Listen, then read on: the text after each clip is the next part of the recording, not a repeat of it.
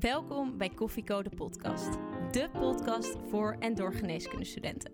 Waarbij wij, gewapend met een kop koffie, voor jou op pad gaan om interviews af te nemen met de leukste, interessantste en meest inspirerende artsen van Nederland. Dit is Koffieko. Hey Ko, ja wat doe je daar? Er staat een carrière voor je klaar. Maar je weet nog niet wat en waar. Een cappuccino maakt het minder zwaar. Dus zet je volumeknop omhoog. Want je luistert Koffieko en je weet het zo. Papa, papa, ba, da.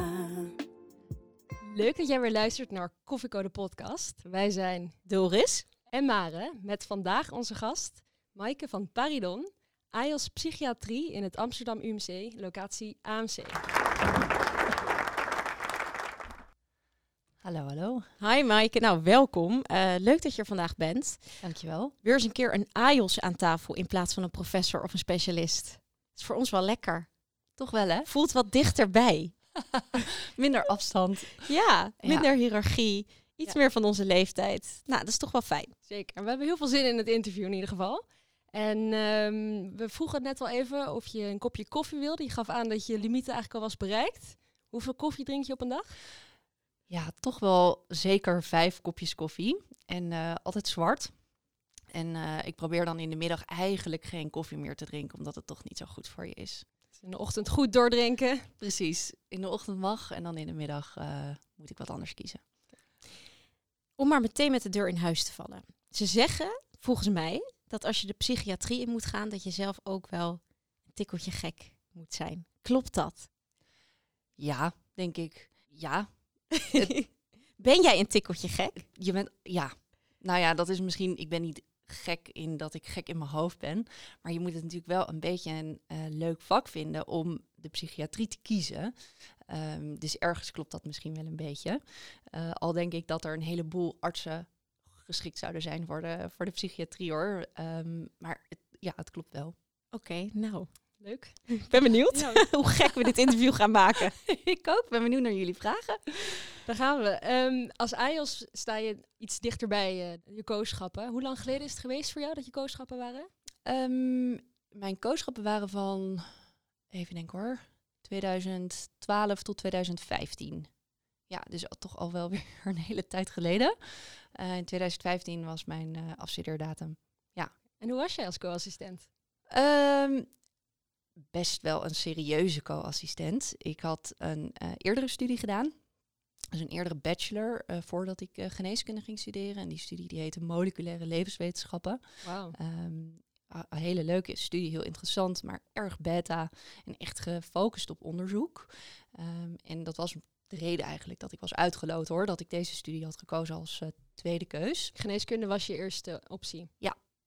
En toen uitgeloot, deze opleiding gedaan, afgemaakt. En uiteindelijk, godzijdank, toch nog eh, ingelood voor de studie geneeskunde. Heel fijn. Dus ik was al wat ouder toen ik startte met, eh, met de studie. En daardoor was ik ook wat ouder toen ik al eh, co-assistent werd. Waardoor studentenleven, als ik het zo mag noemen, dat had ik wel gehad. Waardoor je echt wat serieuzer ehm, ja, je kooschappen in kon gaan. En ik ook niet continu het gevoel had dat ik dingen zou missen.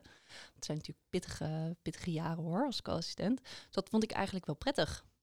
En welk kooschap heb je nou nog de meest levendige herinneringen aan? Als je zo eens terugkijkt naar die periode. Jeetje. Ehm, ik vond denk ik de grote eh, kooschappen hebben wel echt veel indruk op me gemaakt. Dus een interne geneeskunde, de chirurgie, maar ook bijvoorbeeld huisartsgeneeskunde vond ik echt een geweldig kooschap. En dat je echt bij mensen thuis komt en dat je van alles kan zien. En dat, er, ja, dat je ochtends niet weet wie er op je poli komt. Dat vond ik heel erg leuk. Echt als co-assistent was dat een van de leukere, leukere kooschappen. Waren er ook bepaalde specialismen dat je dacht, deze ga ik sowieso al schrappen van mijn lijstje? Psychiatrie, Ja. Oh. Ja, dat was eh, absoluut mijn favoriet. ja, dus eh, dat is wel heel grappig. en nu zit, ik hier toch. Ja. Ja, dat was, ehm, dat was geen hit, kan ik je vertellen. Ehm, al vond ik het vak nog best wel leuk. Eh, maar ik vond het kooschap gewoon niet zo, ja, niet zo boeiend. En ik vond andere dingen vele malen leuker. Dus daar lag echt veel meer mijn focus dan op, op de psychiatrie. Maar hoe kwam dat dan? Wat was er niet boeiend aan in, in die tijd? Ja, het was wel boeiend, maar het, ja, het, het, ik dacht alleen maar, dit is het niet voor mij. Ehm, ik heb in uh, Maastricht gestudeerd en uh, mijn gaf dus ook in, doe je het voornamelijk dan natuurlijk in Limburg. Ja, en ik voelde niet echt aansluiting met, met de mensen daar. En ik dacht, jeetje, nou, dit is het, dit is het misschien dan niet voor mij. Um, en dan is de psychiatrie niet een geheel onbekend vak. Dus mijn moeder is psychiater. Oh. Dus ik wist al wel het een en ander. En bij ons thuis kwamen op verjaardag ook veel psychiaters ja. op bezoek. En ja, daar had ik natuurlijk een leuk beeld van. Maar dat matchte zo niet met wat ik zag in mijn kooschap. Dat ik dacht, nou ja, dan, dan is dit het misschien toch niet voor mij. Um, ja, en ging mijn focus gewoon uit naar uh, uh, voornamelijk de uh, chirurgie en de plastische chirurgie. Ja, heel anders. Heel anders. Ja. Um, kan je nog iets herinneren aan dat kooschap psychiatrie waarvan je dacht, ja, dat je ons even meeneemt naar een herinnering dat je dacht, dit is het niet? Nou, dat vond ik denk ik een dat ik, dat ik daar ochtends aan aankwam op een van de eerste dagen. En dat ik alleen maar dacht, ja, ik weet oprecht niet wie nu de psychiater is en wie nu de patiënt. Dat vond ik al best wel schokkend. hoe, hoe, hoe, kan dat dan? Dat je nou, bij de psychiatrie draag je geen witte jas. Ja. Uh, meestal niet. En uh, ja, ik, ik dacht, jeetje, ja, dit... Het was zo stoffig en dat vond ik eigenlijk niet zo leuk. Um, ja, als co-assistent zit je ook ontzettend in de rol van ik wil heel graag een dokter zijn. En dat, nou, dat, dat ging daar toen ook niet. Um, dus misschien was dat het, denk ik, dat ik dacht, hmm, nou, dit is het misschien niet. Ja. Uh, ja, en dat is later helemaal, helemaal bijgedraaid. Ja. Maar op het moment dat je, nou ja, in onze schoenen stond, wilde jij dus plastisch chirurg misschien wel worden. Klopt. Ja. Wat, wat trok jou daarin? Um, ik vind de chirurgie en de plastische chirurgie echt prachtige vakken. Dat is echt ontzettend leuk. Um, Wat vond je daar leuk aan? Ja, dat je, het, het is heel breed. Uh, er wordt heel veel um, van je verwacht eigenlijk dat je op een acuut moment een beslissing durft te nemen. Dat je ook heel creatief kan nadenken. Dat, uh, dat je een teamplayer bent. Het was echt, echt een super mooi vak. ik vond het ook leuk om op elkaar te staan, bezig te zijn. En het idee dat je nou ja, iemand opereert en dat je een probleem weghaalt en dat iemand tevreden weer naar huis gaat, dat voelde voor mij op dat moment ook heel prettig. Dat ik dacht, oh ja, je kan het echt afsluiten. Ja. Um, dat denk ik vond ik leuk, dat sprak me echt aan. Uh, dus daar heb ik eigenlijk ook al mijn keuzevakken bijvoorbeeld en keuzekooschappen ook in gekozen. En mijn laatste jaar volledig bij de plastische chirurgie gedaan. Um, ja, en ik blijf het nog steeds een uh, hartstikke mooi vak vinden. Maar het was het niet voor mij. Dus in die end, als je helemaal klaar bent en dan ben je afgestudeerd en dan denk je, ja, iets knaagde toch dat ik dacht, dit is het wellicht niet. Um, en ik denk dat je dat echt niet moet hebben op het moment dat je een keuze maakt. Dat je echt denkt, als je ervoor wil gaan, ga er echt 100% voor. Uh, en als er dan twijfel is, ja, dat, dat is zonde. Dan, uh, dan moet je misschien op zoek naar iets wat nog beter bij je past. Ja. En weet je, want je vertelde dus dat je eigenlijk dat je alles wat, wat, uh, wat het te bieden had, dat je dat geweldig vond. Ja. Kan je je vinger erop leggen waarom er toch iets knaagde dan? Ik denk dat ik, um, als ik nu terugdenk, hè, dat het iets was dat ik niet helemaal 100% echt mezelf kon zijn. Um, dat vind ik wel belangrijk. Want je bent uiteindelijk uh, komende 35 jaar dokter in een uh, vak. Daar ga je heel erg veel voor opgeven. Uh, je moet veel offers maken. En ik dacht, ja, dat, dat moet je wel doen voor een vak wat helemaal bij je past. En waar je ook ontzettend jezelf kan en mag zijn. en dat, dat had ik niet. Um, op dat moment. Dus toen dacht ik, dan moet ik kijken naar een, naar een alternatief. Wat ben je toen gaan doen? Want op zo'n moment, ik, ja. ik, ben er bijna, hè, net afgestudeerd, ja. bijna afgestudeerd. Ja.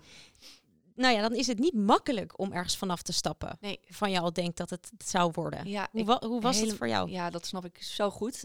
En nou ja, hier heb ik ook gestaan waar jij nu uh, bent, in dit punt. Toen zat ik er nog vol in hoor. Um, ik, ja, toen was ik klaar, ik was afgestudeerd en toen moest ik uh, uh, nou ja, nadenken, of daarvoor eigenlijk al, hè, ga, wat ga ik doen? Ga ik ik heb in Amerika mijn onderzoek gedaan, mijn uh, wetenschapsstage gedaan en ik, kon, ik kon terug. Maar dan bleef ik nu natuurlijk wel heel erg plakken aan die plastische chirurgie, wat ik eigenlijk ja, toch intern voelde van dat moet ik niet doen. Ja. Ehm, en toen heb ik een, eh, eh, een paar maanden eh, gewerkt, gewoon in een winkel. Dus ik heb helemaal niet uh, geaniost. Ik heb even iets anders gedaan. Ik heb met heel veel mensen gesproken. Had je dat opzettelijk gedaan om je Ja. even uit te tunen van de artsenwereld? Ja, even nadenken van wat, wat ga ik doen. Een aniosbaan, die kan je echt zo vinden. Hè. Er is ontzettend veel werk voor dokters. Dus dat is eh, echt geen, eh, geen probleem. En ik dacht ook, ik mis heus de boot niet als ik nu even drie maanden goed nadenk. Ehm, veel met mensen gesproken. Natuurlijk met mijn ouders, maar ook met eh, vrienden van mijn ouders. En ja, van allerlei vakken. Ehm, en toen dacht ik, ja, ik, eigenlijk kwam ik toen pas weer terug bij mijn kooschap psychiatrie, wat ik niet zo leuk vond. Eh, maar dat er in ieder kooschap wat ik heb gelopen, eh, wanneer er dus eigenlijk een psychiatrisch probleem naast speelde, merkte ik dat steeds mijn focus daar naartoe ging. En dat ik continu een soort van geïnteresseerd was in, oh, er zit hier iemand bijvoorbeeld met een eh eczeem, maar eigenlijk voelt diegene zich hartstikke somber. Maar hoe gaat het dan met diegene? En hoe uit die somberheid zich dan? En ik merkte dat ik dat eigenlijk in alle kooschappen steeds eh, zag terugkomen. Dat De dat rode draad die je Ja. daar terugvond. en toen dacht ik, nou ja, wie niet waagt, wie niet wint. Weet je, ik ga gewoon kijken als Anios bij de psychiatrie of het wat voor mij is. En ehm, ja, zo. Ik ben ook wel heel benieuwd, want je zegt je hebt veel gesprekken gevoerd in die tijd met een, een moeder als psychiater. Ja. Wat, wat zei zij tegen jou? Ja, zij heeft eh, nooit, maar dan ook nooit enige eh, druk uitgeoefend met, oh, de psychiatrie, dat moet je kiezen of dat is echt iets voor jou. Ehm, zij steunde echt volledig mijn interesse in de chirurgie. Dat vond zij zelf ook eigenlijk, dat was haar alternatief, het snijdende vak.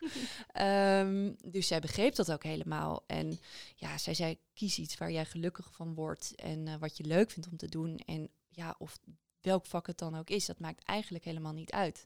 Ehm, maar jij, jij moet het leuk vinden en jij moet het nog heel veel jaren doen. Ehm, dus ja, zo. Ja, zij vond het prima.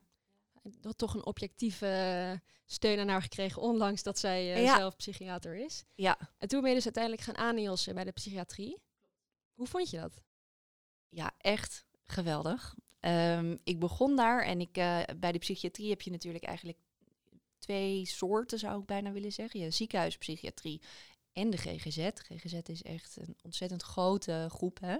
Ehm, dus veel speelt zich eh, af buiten, buiten de ziekenhuizen. Dat ken je ook eigenlijk niet zo goed als, eh, als co-assistent of als net startende anions. Dus ik startte in de, in de GGZ.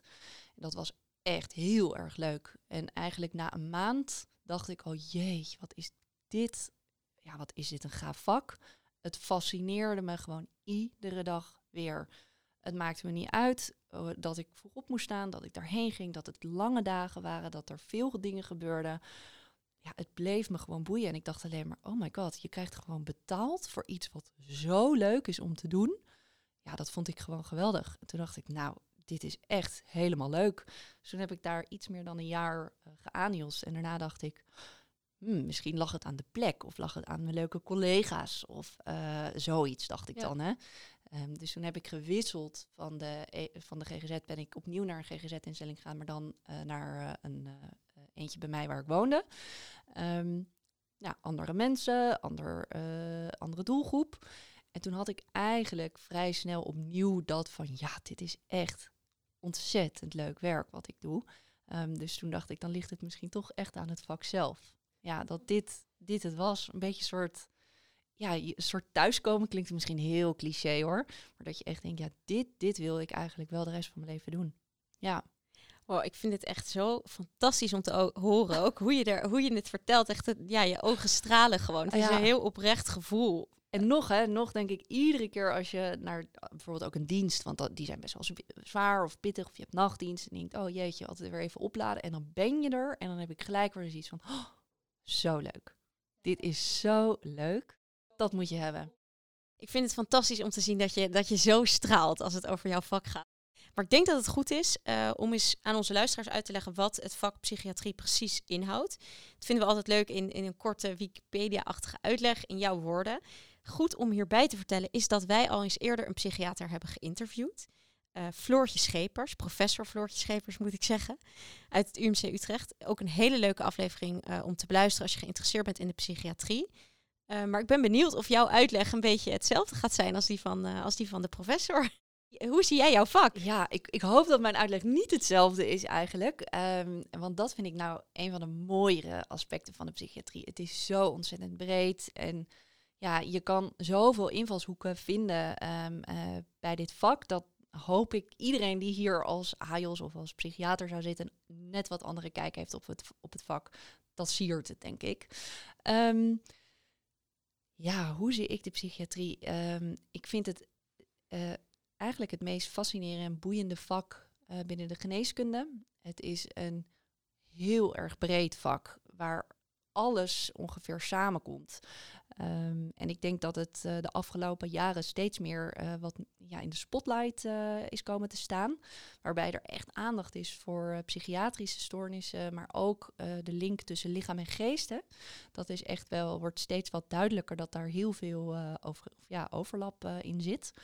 Um, en voor mij is ja, de psychiatrie gewoon zo ontzettend boeiend van wat maakt nou dat die ene persoon wel bijvoorbeeld een psychose krijgt en de andere persoon die vrijwel hetzelfde leven heeft gehad niet.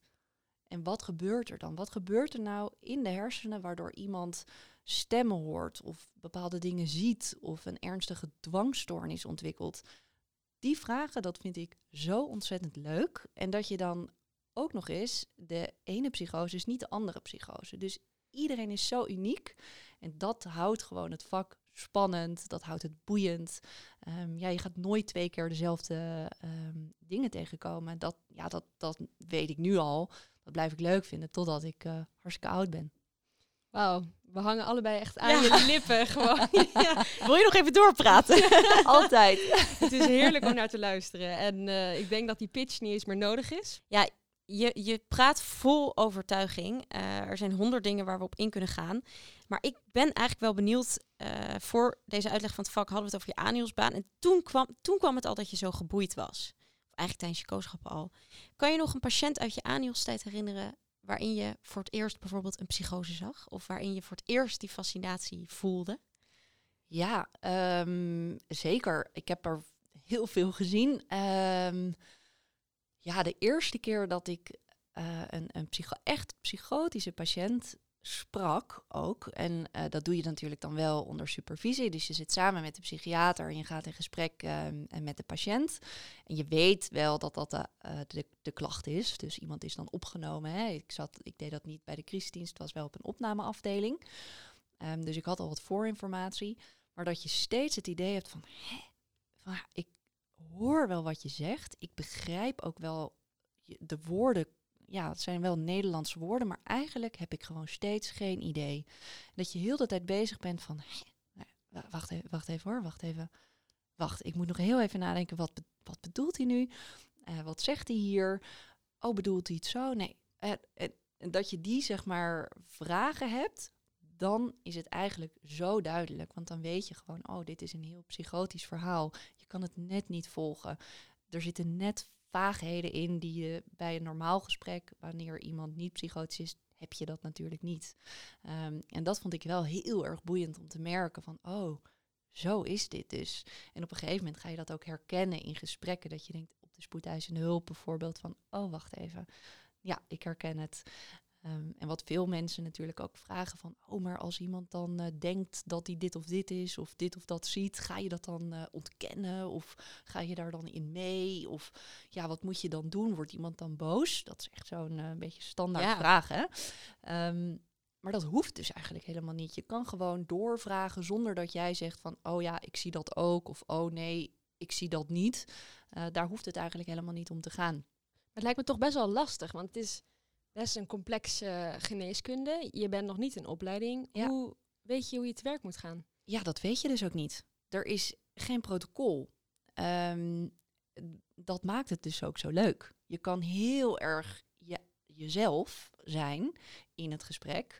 Um, en het mooie wat ik vond, in ieder geval zeker die eerste keren, is je, ja, het is een soort van spiegel. Hè? Dus de patiënt geeft jou direct terug als ze iets niet aanstaat of je toon niet goed is, of je houding raar is, of wat je aan hebt. nou ja, ook wel confronteren, want je, je voelt je wel een beetje natuurlijk zenuwachtig. Je denkt, oh spannend, oh dit zijn de eerste gesprekken. Maar dat zijn zulke goede leerlessen eigenlijk, dat je daar gewoon heel sterk door wordt in, in je gespreksvoering. Ja, en het is ook echt trial and error. En uh, natuurlijk maak je net een keer de verkeerde opmerking en dan wordt iemand boos of moet het gesprek gestopt worden of ja, gebeurt er wat. Maar dat is juist heel leuk. En wat bijvoorbeeld even nog een brug terug vanuit de uh, chirurgie, daar moet je ook kunnen uh, improviseren op OK. En hier moet je echt kunnen improviseren in je gesprekken. Uh, waarbij je um, het heel erg kan laten gaan en toch moet proberen te sturen. En dat je aan het einde van het gesprek wel weet waarvoor je bent gekomen. En dat je toch een diagnose kan stellen en een beleid kan uitstippelen.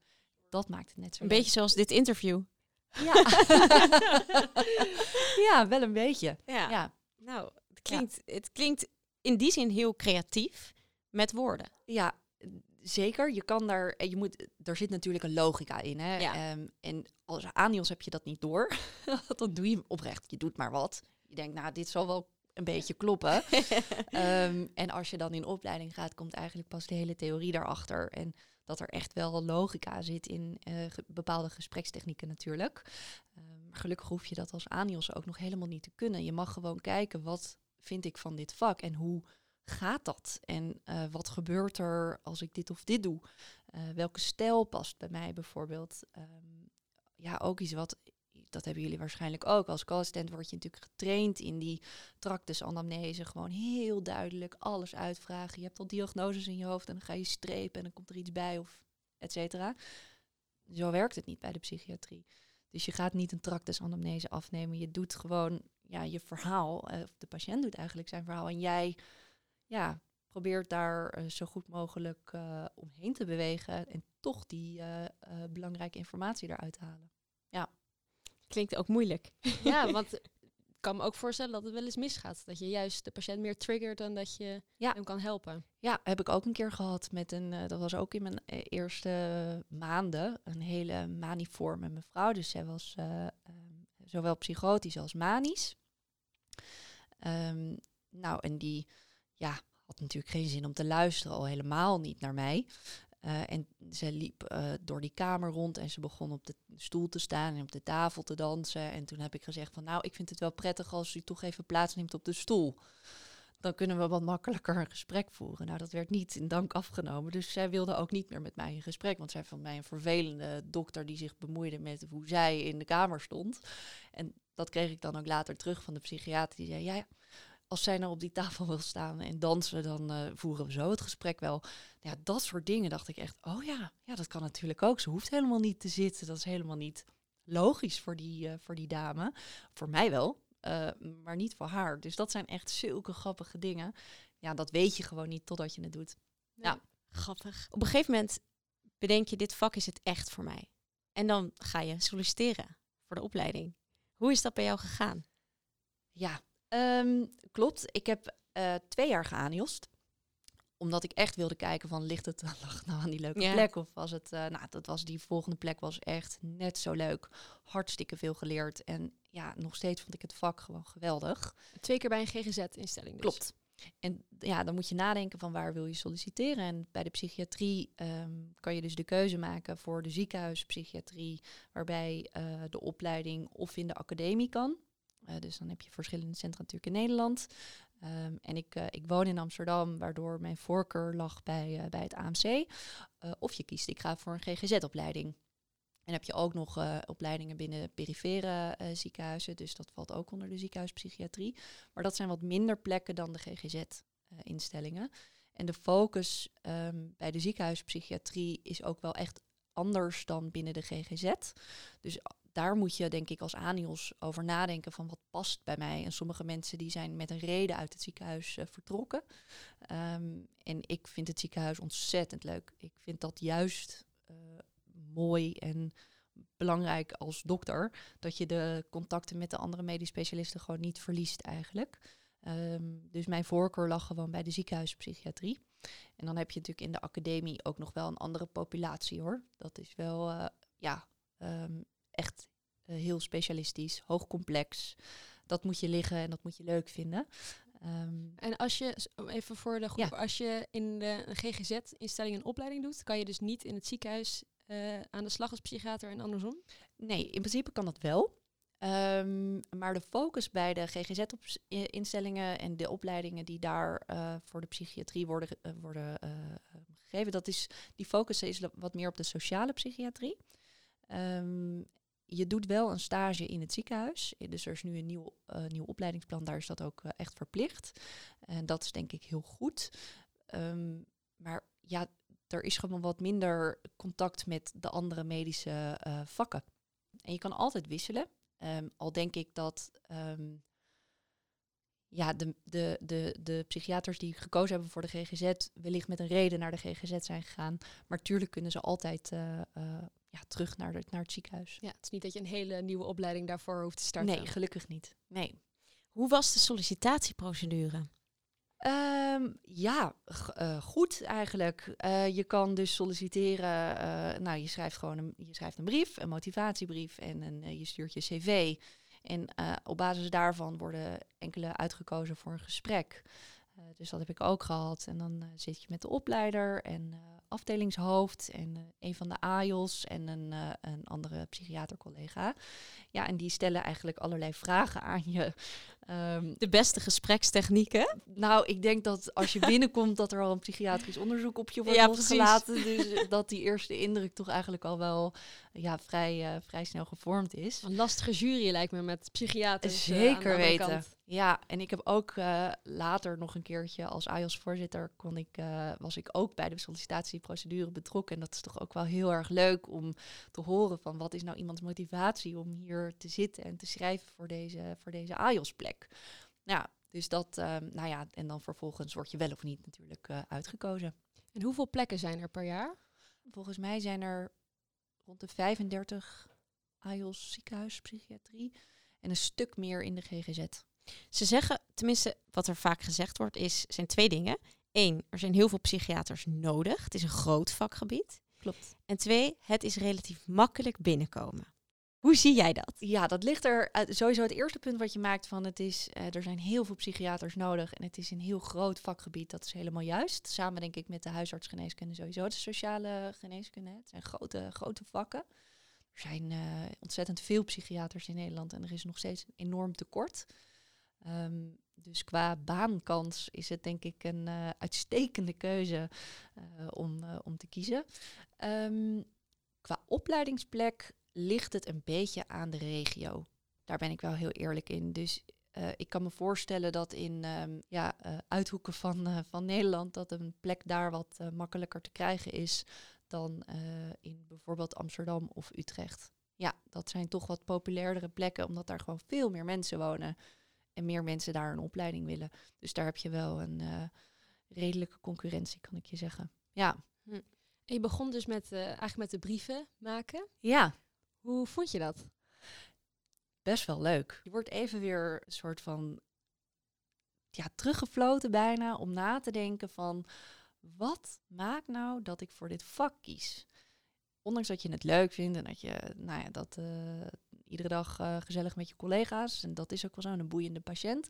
Maar wat maakt nou dat jij voor deze opleidingsplek kiest? Wat probeer dat maar eens goed op papier te zetten. Dus dat is echt nog, daar moet je niet even, dat doe ik even een half uur. Dus eh, daar heb ik goed over nagedacht. Een paar keer heen en weer gestuurd. Bijvoorbeeld ook met mijn ouders hebben we nog heel veel in eh, verbeterd. Markeren. Ja, Allemaal rood krijg je ja. terug. en eh, ja, op een gegeven moment dacht ik, ja, dit is eigenlijk wel gewoon mijn verhaal. Vooral niet te lang, want dat heeft helemaal geen zin. Want je, weet je, je motivatie hoeft echt niet op drie à vier. Hoe lang was het? Eén pagina.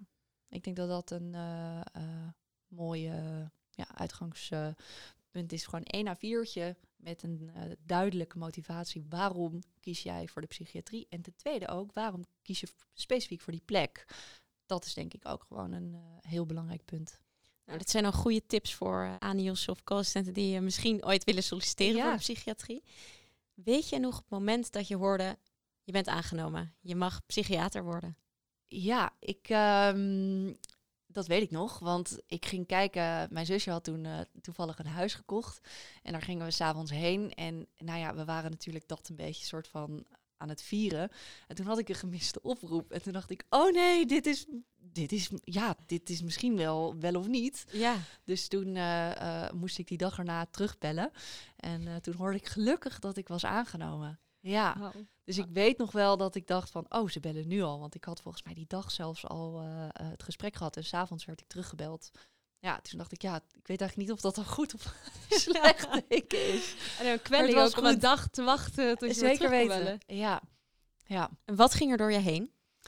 ja, ik was echt heel erg blij. Ik, was, ik vond het zo leuk. En ik denk dat als je ANIOS bent en je bent dat een tijd geweest, en dat herkennen jullie misschien ook wel als co-assistent, dat had ik toen ook. Op een gegeven moment denk je, ja, ik wil eigenlijk wel door. Ja, die co-schappen, leuk. eh, maar ik ben wel toe aan zo'n volgende stap. Gewoon nieuwe dingen leren. Toch een andere soort verantwoordelijkheid. En dat heb je ook gewoon als van de, eigenlijk de overstap van de ANIOS naar AIOS-periode. dat is, ja, daar groei je een beetje naartoe. Dus ik had heel veel zin om gewoon wat te leren, om onderwijs te krijgen in dit vak. Om eh, ja, die begeleiding die je graag wilt, die je natuurlijk ook als ANIOS krijgt. Maar toch is dat net anders dan, dan als je AIOS bent. Dat vond, daar had ik heel veel zin in. Dat vond ik echt superleuk. Ja, Klinkt goed. En is het dan zo dat je met een soort groepje start aan de opleiding? Een, eh, ja, een soort co-groepje, een mentorgroepje, ik weet niet. Ja, ik kan het natuurlijk alleen maar vanuit mijn eigen ervaring eh, vertellen in Amsterdam. Maar in Amsterdam heb je dan, dat heet dan ook het, het APO, eh, dus het eh, Amsterdam Psychiatrieonderwijs. En daar zit je met ehm, de artsassistenten van eh, verschillende ehm, instellingen. Dus ik was dan vanuit het AMC met mijn collega's, maar je kon ook vanuit het OLVG of vanuit de GGZ-instellingen. En dan ben je samen een soort van groep die tegelijk met de opleiding start. Je volgt in principe dezelfde opleiding, eh, behalve dat je dan op een andere locatie zit. En je volgt één keer, eh, één keer per week heb je onderwijs. En dat is echt eh, heel leuk. En als je naar dat groepje mensen kijkt, al die Ja. psychiaters in opleiding. Wat voor mensen zijn dat dan? Hoe zou jij de AIOS psychiatrie beschrijven? Ja, leuke vraag. Ehm, ik denk dat je die niet kan omschrijven in een type. Ehm, nee, dat kan eigenlijk niet. Iedereen is zo, echt zo verschillend. Ehm, maar wat we met z'n allen gemeen hebben, is denk ik ja, interesse in iemand anders. Echt een eh, gemeende interesse. En dat is heel erg leuk. Ja, ik heb ook eigenlijk zelden onaardige AIOS psychiatrie ontmoet. Ja, oprecht, weet je. Het zijn echt leuke mensen, gewoon geïnteresseerd. Ze hebben altijd nog iets leuks ernaast. Het is niet alleen maar dat vak waar je dan eh, zo eh, alles voor op moet geven. Ja, het zijn gewoon hele boeiende, aardige, leuke mensen. Ja, het klinkt nu zo saai, maar dat is het dus zo niet. Ja, dat, je kan ook heel erg jezelf zijn. En daarom is denk ik echt een soort enorme mix qua types. Ja. Ja, het maakt gewoon niet uit wat jij leuk vindt, hoe je bent, hoe je eruit ziet, wat je belangrijk vindt. Eh, dat, dat, dat doet er gewoon niet toe. Dat is echt heel fijn. Ja, we Ja. kunnen ook denk ik niet in een hokje geplaatst worden. En heb je een idee, want je hebt er waarschijnlijk wel over eh, gewoon teruggeblikt. Waarom denk je dat ze jou hebben aangenomen? Ehm, Lastige vraag. vind ik een lastige vraag, zeker. Ik denk dat ik een eh, goede ANIOS was. En ik had een hele mooie aanbevelingsbrief gekregen van eh, mijn supervisor van eh, mijn laatste ANIOS-plek. Dat heeft zeker geholpen. Eh, en ik denk toch ook mijn oprechte enthousiasme voor, voor het vak. Dat dat gewoon ja, zo oprecht was en dat ik dat duidelijk kon overbrengen. eh, dat dat misschien mee heeft gespeeld in, in de keuze voor mij. Ja, je enthousiasme is in ieder geval aanstekelijk. Ja, en ik had niet iets van, eh, ik, ik heb geen, eh, geen PhD bijvoorbeeld van tevoren afgerond, waardoor ze dacht van nou, we, zij is al gepromoveerd hier bij ons en eh, we kennen haar al of hè, dat soort dingen. Dat, nee, dat, dat was het niet. Ja, Dus je bent niet gepromoveerd. Zijn er veel die dat wel doen om in een opleiding te komen? Of is het een belangrijk deel binnen het AIOS zijn van de psychiatrie? ja goede vraag, want dat is natuurlijk ook echt een, ehm, een ding waar, wat, wat ik me ook afvroeg hoor. Ook in je opleiding al. Hè. Sommige eh co-assistenten zijn al aan het promoveren tijdens hun eh co- eh. En die zitten al helemaal vast in zo'n in zo'n vakgroep. Omdat ze echt een soort einddoel voor ogen zien van daar wil ik in opleiding komen. Ehm, ja, ik had dat dus niet, zoals jullie net hebben gehoord. En uh, ik was ook niet uh, gepromoveerd uh, bij, de, bij de psychiatrie. Ik had ook geen onderzoekservaring bij de psychiatrie. Dus voor mij was dat allemaal eigenlijk vrij nieuw. Um, wel heb ik daar interesse in. op dit moment doe ik ook promotieonderzoek. Maar dat is dus allemaal pas daarna gekomen. En um, wat ik ja, toch prettig vond, is dat het niet een voorwaarde was. Ja. Van je moet gepromoveerd zijn om een opleidingsplek te krijgen. Wat wel zo is, in, zeker in ieder geval in het AMC, is dat ze proberen een beetje 50-50 te doen. Dus een deel is uh, wel um, gepromoveerd en een deel heeft wat meer klinisch er ervaring, bijvoorbeeld als ANIOS. Waardoor je dus een hele goede mix krijgt in, um, in de groep. En dat houdt het ook, denk ik, leuk dat je niet allemaal dezelfde uh, achtergrond type hebben. hebt. Ja. Ja. Ja, mooi ook dat je het doet omdat je gemotiveerd bent, dat je het wil doen en niet omdat het moet. Ja, ja, En- je zou hopen dat dat bij eh, eh, alle, alle vakken zo zou kunnen. Ja. Ja. Dan gaan we verder naar de opleiding zelf. Hoe ziet de opleiding tot psychiater eruit? De opleiding duurt 4,5 jaar. Eh, waarbij eigenlijk de eerste 2,5 jaar algemeen zijn. Dus daar zit echt eh, nou ja, van alles in. Dus de, de grote vakken komen daar naar voren. Bijvoorbeeld stemmingstoornissen, angst en dwang, psychotische stoornissen eh, en persoonlijkheidsstoornissen. En echt de grote blokken komen daar eigenlijk allemaal eh, in naar voren.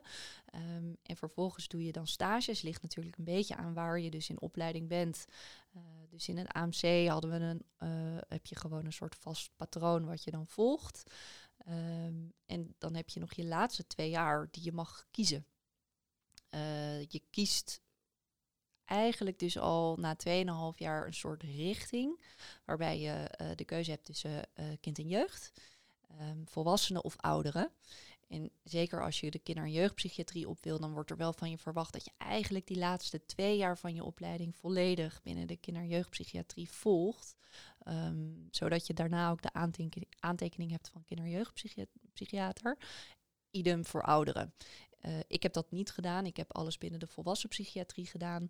Eh, en dan na vier en een half jaar eh, ben je in principe klaar. Als je aan alle voorwaarden hebt voldaan. En hoe Ja. ver ben jij nu in die 4,5 jaar? Ja, ik ehm, ben officieel 1 oktober klaar. Dus ik moet nog iets meer dan een half jaar. En dan, dan zit mijn IELTS tijd erop. Zo, dus je bent eigenlijk al, je hebt het grootste deel al achter je. Ja. Wat ja. zijn voor jou, als je eens terugkijkt op die, op die periode, wat zijn voor jou hoogtepunten uit je, uit je opleidingstijd tot nu toe? Ik vond mijn allereerste stage een van de leukste stages. Eh, dat was eh, eh, in het AMC heb je de medisch-psychiatrische unit. En dat, vond, dat is echt een ontzettend leuke afdeling. Heel, heel boeiend. En daarbij komen eigenlijk dus somatiek en psychiatrie samen. Eh, ja, dat lag mij gewoon ook wel. Ik vond dat zo boeiend. En zulke ingewikkelde casuïstiek kwam daar naar voren. eh, waarbij ja, je op, met ontzettend veel factoren rekening moet houden. Ehm, natuurlijk psychiatrisch. eh, maar er wordt ook van je verwacht dat je toch wat weet van de glucose. weet je, alle schema's en dingen. En pijnmedicatie. En eh, nou ja, dan kwam er een groot trauma binnen. Bijvoorbeeld iemand was eh, van eh, heel hoog naar beneden gesprongen. En dan was natuurlijk is de traumachirurgie er en of de orthopedie, die zijn er ook. Maar jij moet toch wat weten van pijnmedicatie en wat is, wat is ja, daarin belangrijk, wat kan wel en niet samen. En dat is zo ontzettend leuk dat je toch weer even denkt van, oh ja, ik ben gewoon wel echt dokter. Daar mag je overigens wel je witte jas aan, dus daar zie je er ook nog eens uit als een dokter. Hoe voelt dat om die witte jas toch aan te hebben? Vooral handig met alle zakken die je dan hè? weer terug hebt, dat het niet in je broek hoeft. Maar ehm, nee, dat maakt natuurlijk uiteindelijk helemaal niet uit. Eh, maar dat is gewoon wel echt een ziekenhuisafdeling. Ja, en dat vond ik echt ontzettend, ontzettend leuke stage. Ehm, je doet altijd een stage bij de crisisdienst. Ehm, in ieder geval, dat was in mijn eh, eh, opleiding dus zo. Dat was ook ontzettend leuk. Dus dan, eh, ja, daar komt van alles binnen. En eigenlijk het eerste moment van iemand die, ehm, nou ja, psychiatrisch niet goed gaat en het eerste contact met zorgverleners is via de crisisdienst. Ze komen natuurlijk niet gelijk op een opnameafdeling. Dus je ziet iemand in een full-blown psychose of echte manie of ernstige angst. Ehm, ja, dat vond ik zo leuk ook. Ja, daar word je ook wel heel zelfstandig van. Want jij gaat op huisbezoek wel met een uh, verpleegkundige. Uh, en je doet bijvoorbeeld ook bezoeken aan cellencomplexen om dan iemand te beoordelen. Ja, dat zijn zulke leuke dingen. Daar, daar kom je anders nooit. Dat vond ik echt wel fascinerend. Dat is wel echt heel spannend ook, ja, lijkt me. Dat was het ook. Ja? ja, ja. Maar echt, ons, ja, dat is echt wel gaaf hoor. Het klinkt alsof je, natuurlijk zijn er allemaal, uh, ja, de hele DSM zeg maar, die je kan raadplegen. Maar het klinkt alsof je ook wel hele goede voelsprieten moet hebben. Ja, Gewoon goed. sociale, echt goede voelsprieten. Ja, ik denk dat je daar wel echt een heel belangrijk punt uh, aanhaalt. Dat, want dat is denk ik ook een beetje zo. Je moet een beetje, ja, inderdaad aanvoelen. Klopt het nou of niet? En wat, als het nou niet klopt, wat klopt er dan precies niet? Soms weet je het niet hoor, maar ja, dat is wel, dat is inderdaad wel, uh, denk ik, heel mooi gezegd door jou. Um, ja, dat klopt. En je moet ook heel erg kunnen vertrouwen op wat jij voelt. Um, sommige mensen die, nou, die geven jou een bepaald gevoel. En wat doet dat dan met je? Hè? Van, uh, word ik daar angstig door? Of word ik daar juist heel geïrriteerd door?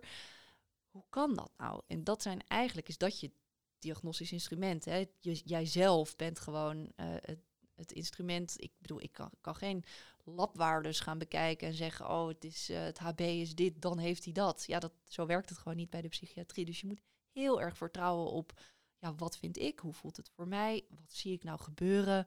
Um, ja, en dan op basis daarvan en met jouw goede vragen toch een soort uh, diagnostische blik uh, ja, het allemaal compleet zien te krijgen. Ja, het is wel echt een hele bijzondere kant van de geneeskunde. Ja, Ja. zeker. Ook wel heel, heel anders dan de, dan de pure somatieke vakken. Zeker weten. Ben je als mens ook veranderd in die zin dat je, nou ja, in je sociale leven of in je privéleven voer je ook de hele dag gesprekken, zeg maar. Ja, ga je toch anders misschien naar kijken? Of is dat niet zo? Nou, ik, laat ik zeggen dat ik probeer dat absoluut niet te doen. Eh, dus ik ga niet met, ineens met vrienden en vriendinnen denken van... oh, nou, die heeft volgens mij ook een eh, stoornis hier en Ja. hier. Of weet je, dit zie Van, ik. hoe laat je mij nu voelen? Uh, weet je, wel? ja. Nee, nee, daar ben ik echt dan absoluut niet mee bezig. Dat lijkt me ook wel een beetje ver gaan. Ehm, ik denk wel dat het vak me als mens oprecht heeft veranderd. Ik denk dat ik er echt een leuker mens door ben geworden. Je bent... Je kan zoveel eerlijker kijken naar wie er voor je zit. En eh, nou ja, de interesse van wie zit er nou achter het verhaal. Ehm, ja, vertel, hoe, dan? Waardoor komt dat dan? Je kan je ja, gewoon je kan eigenlijk gewoon alleen maar luisteren naar iemand en dan krijg je al zoveel informatie. En dat is gewoon ja, helemaal, dat is echt heel erg leuk om, uh, om te doen. Um, maar nee, het is niet dat ik uh, vervolgens met vrienden nog even een soort sessietje doe. Waar heb jij last van? Nee, Nee. Dat, uh, dat, dat doe ik absoluut niet. Uiteindelijk hoe je als uh, psychiater te werk kan gaan, is niet iets wat je in je leerboeken kan lezen. Het is iets wat je dus moet trainen. Heb je een tip voor de jonge dokters hoe zij het beste hun uh, kooschappen psychiatrie bijvoorbeeld uh, kunnen doen? Ja, goede vraag. Um, nou, dit zijn ook vragen die de co-assistent aan mij uh, stellen natuurlijk als ze bij ons een uh, kooschap lopen. Um, en wat ik altijd zeg is, uh, ik, ik raad je echt aan, voer jij het gesprek. Jij mag beginnen en dan zie je iedereen, maar wat moet ik dan vragen? Maar ik weet helemaal niet hoe ik dan moet beginnen. En wat gaan ze dan zeggen? Want dat is natuurlijk ook leuk aan de, de patiënt. Um, je weet het niet wat, je weet gewoon niet wat het antwoord wordt. Je weet ook niet welke kant het gesprek opgaat. Maar dat is nou juist zo leuk. Je gaat dus niet die tractusanamnese af, waarbij je al weet van ze gaan dit wel of niet zeggen. Nee, je moet maar zien hoe het gesprek loopt. En dat en een beetje vertrouwen hebben in dat het ook wel goed komt. Dat is denk ik het leukste als co-assistent gewoon beginnen. Ik zeg ook altijd, begin jij. Als het niet gaat, ik neem het zo van je over. Maar jij begint en dan doen we het samen en dan neem jij het weer over van mij. En op het moment dat ze dan wat vertrouwen daarin hebben van, oh, dat doet ze echt, uh, dan lukt dat ook wel. En dan zeggen ze ook, wow, dit was echt heel leuk. En ja, dan gaat dat ook goed. Dus vooral dat. Wees niet bang van, ik weet niet wat ik moet vragen, ik weet niet wat ik moet zeggen. Stel maar gewoon je vraag. De co-telefoon. Ja, dat is de co-telefoon. Die gaat altijd af op een moment dat het niet goed uitkomt. En de co-telefoon is een vraag ingestuurd door een van onze luisteraars. We hadden heel veel vragen over het. Um, een vraag van Kimberly is: um, mis je het somatische deel van de geneeskunde? Nee. Nee, ik denk, um, nou dat is bijvoorbeeld een van de redenen waar, waarom ik echt voor de ziekenhuispsychiatrie heb gekozen, dat je dan nog steeds wel even af en toe die somatiek hebt. En dat je toch nog even mag nadenken over iets somatisch. Eh, en ook in de dienst dat je eh, kan overleggen, gelukkig, met, eh, met alle andere AJOS van interne chirurgie, cardio, et cetera. Ehm, waardoor voor mij is het echt, is dat gewoon oké, voldoende. Dus ik, ik, mis dat, ik mis dat niet. Nee. Je zegt dat je dus nooit aan het vak hebt getwijfeld. Eh, heel fijn. Ik hoop dat ik dat later ook ga krijgen. Ehm, terwijl als ik terugkijk naar het verhaal over je kooschap, dan, dan is er één ding wat bij mij blijft plakken. En dat je, dat je zei dat het een beetje suffig of stoffig toen was. Heb je dat dan nu nooit meer zo ervaren? Nee. Nee, ja, ik had dat idee ook hoor. Dat psychiaters echt een soort van eh, met van die vesten en dan sandalen met sokken erin. Echt eh, afschuwelijk. Ja, dat idee had ik ook altijd. Eh, maar ja, over het algemeen werken daar hele leuke, vlotte mensen. En is dat dus, ja, is dat imago? Ik weet ook oprecht niet waar het vandaan komt. Waarschijnlijk van heel vroeger en van misschien bepaalde instellingen. Maar dat herken ik nu absoluut niet meer. Dus dat Nee. vooroordeel mag bij deze worden ontkracht. Alsjeblieft, ja. En dat hoop ik ook altijd, dat als de co-assistenten dan bij ons zijn geweest, dat ze denken, oh, dit zijn eigenlijk gewoon hele leuke mensen. nou ja, dat. Ja, ik kan er wel een beetje om lachen. Het is ook leuk als je dan de spoedeisende hulp opkomt en ehm, nou, dan eh, kondig je je aan als, hoi, ik eh, ben van de psychiatrie. En dat, je, dat mensen dus denken van, hè? Oh, dat is heel vlot. Zij is ook eigenlijk best wel Een aardig. oude man met een brilletje verwacht in de boek in zijn Met de hand. sandalen en sokken, die heeft ze niet aan. Nou ja, dat is gewoon heel grappig. Dus nee, dat vind ik absoluut niet, eh, niet erg hoor, dat dat idee er nog steeds is. Ehm, heb jij eigenlijk misschien een laatste soort vraag, of voordat we het afsluiten, want we zijn al eh, flink zeg maar aan de tijd. Heb jij een levensmotto? Jeetje. Dat is een diepe vraag, hè? Ja, heb ik ook niet over nagedacht. Nee, dat is juist zo leuk. Ehm, nou, dan denk ik dat mijn levensmotto zou, zijn, blijf dicht bij jezelf. Mooi. Ja. Dat heeft jou ook, als ik dit hele verhaal zo hoor, bij dit vak gebracht. Precies. Ja. ja. Nou, dan rest ons nog het allerlaatste eh, onderdeel van het interview. En dat is de tip voor de luisterende jonge dokters en co-assistenten. Eh, vinden wij het belangrijkste onderdeel van het interview.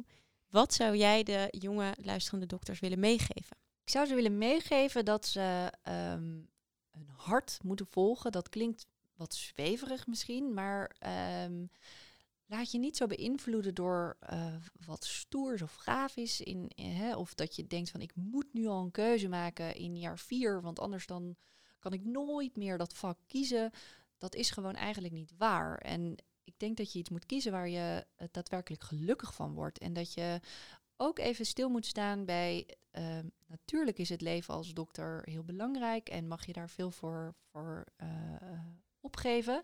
Maar je bent ook op deze wereld gewoon om mens te zijn. Ehm, en ik denk dat je dat echt niet moet vergeten. En dat dat ook samen moet gaan met het vak wat je kiest. Eh, je moet heel erg veel jaar nog je, je vak uitoefenen. Dus kies vooral iets waar je echt gelukkig van wordt en vrolijk van wordt. En waar je helemaal jezelf kan zijn. En dan hou je het ook vol. Ehm, ik denk dat dat mijn, eh, mijn grootste, grootste tip is. Eh, en laat je niet afschrikken door wat andere mensen eh, al doen. Of weet ik niet wat al voor belangrijke stappen hebben genomen. Als jij iets voor ogen hebt, dan, dan kom je daar ook. Maaike, dankjewel. Je hebt ehm, echt een heel mooi verhaal verteld. En de psychiatrie heel goed op de kaart weten te zetten. Dus eh, we hebben in ieder geval met eh, heel veel plezier naar deze aflevering geluisterd. Ik hoop de luisteraars ook. Dus dank jullie wel voor het luisteren. Ehm, hoop dat jullie het net zo'n leuke aflevering vonden als wij. Maaike, heel erg bedankt dat je hier wilde zijn. Geen dank. Ik hoop ook dat jij tevreden bent over je aflevering. Ja, leuk. Heel leuk om met jullie in gesprek te gaan. Ik ben in ieder geval ontzettend enthousiast geworden. Luisteraars, als jullie dat ook zijn, volg ons natuurlijk op al onze sociale kanalen. LinkedIn, Facebook, Instagram. Eh, ik eh, houd allemaal niet meer bij wat we hebben, maar volg ons en like dit interview. En ik hoop jullie eh, nou, weer te zien bij een volgende aflevering. Zeker. En tegenwoordig kan je ook een recensie achterlaten op onze podcast op Spotify. En eh, we zouden het heel erg leuk vinden als jullie dat doen. Bedankt voor het luisteren. Thumbs up!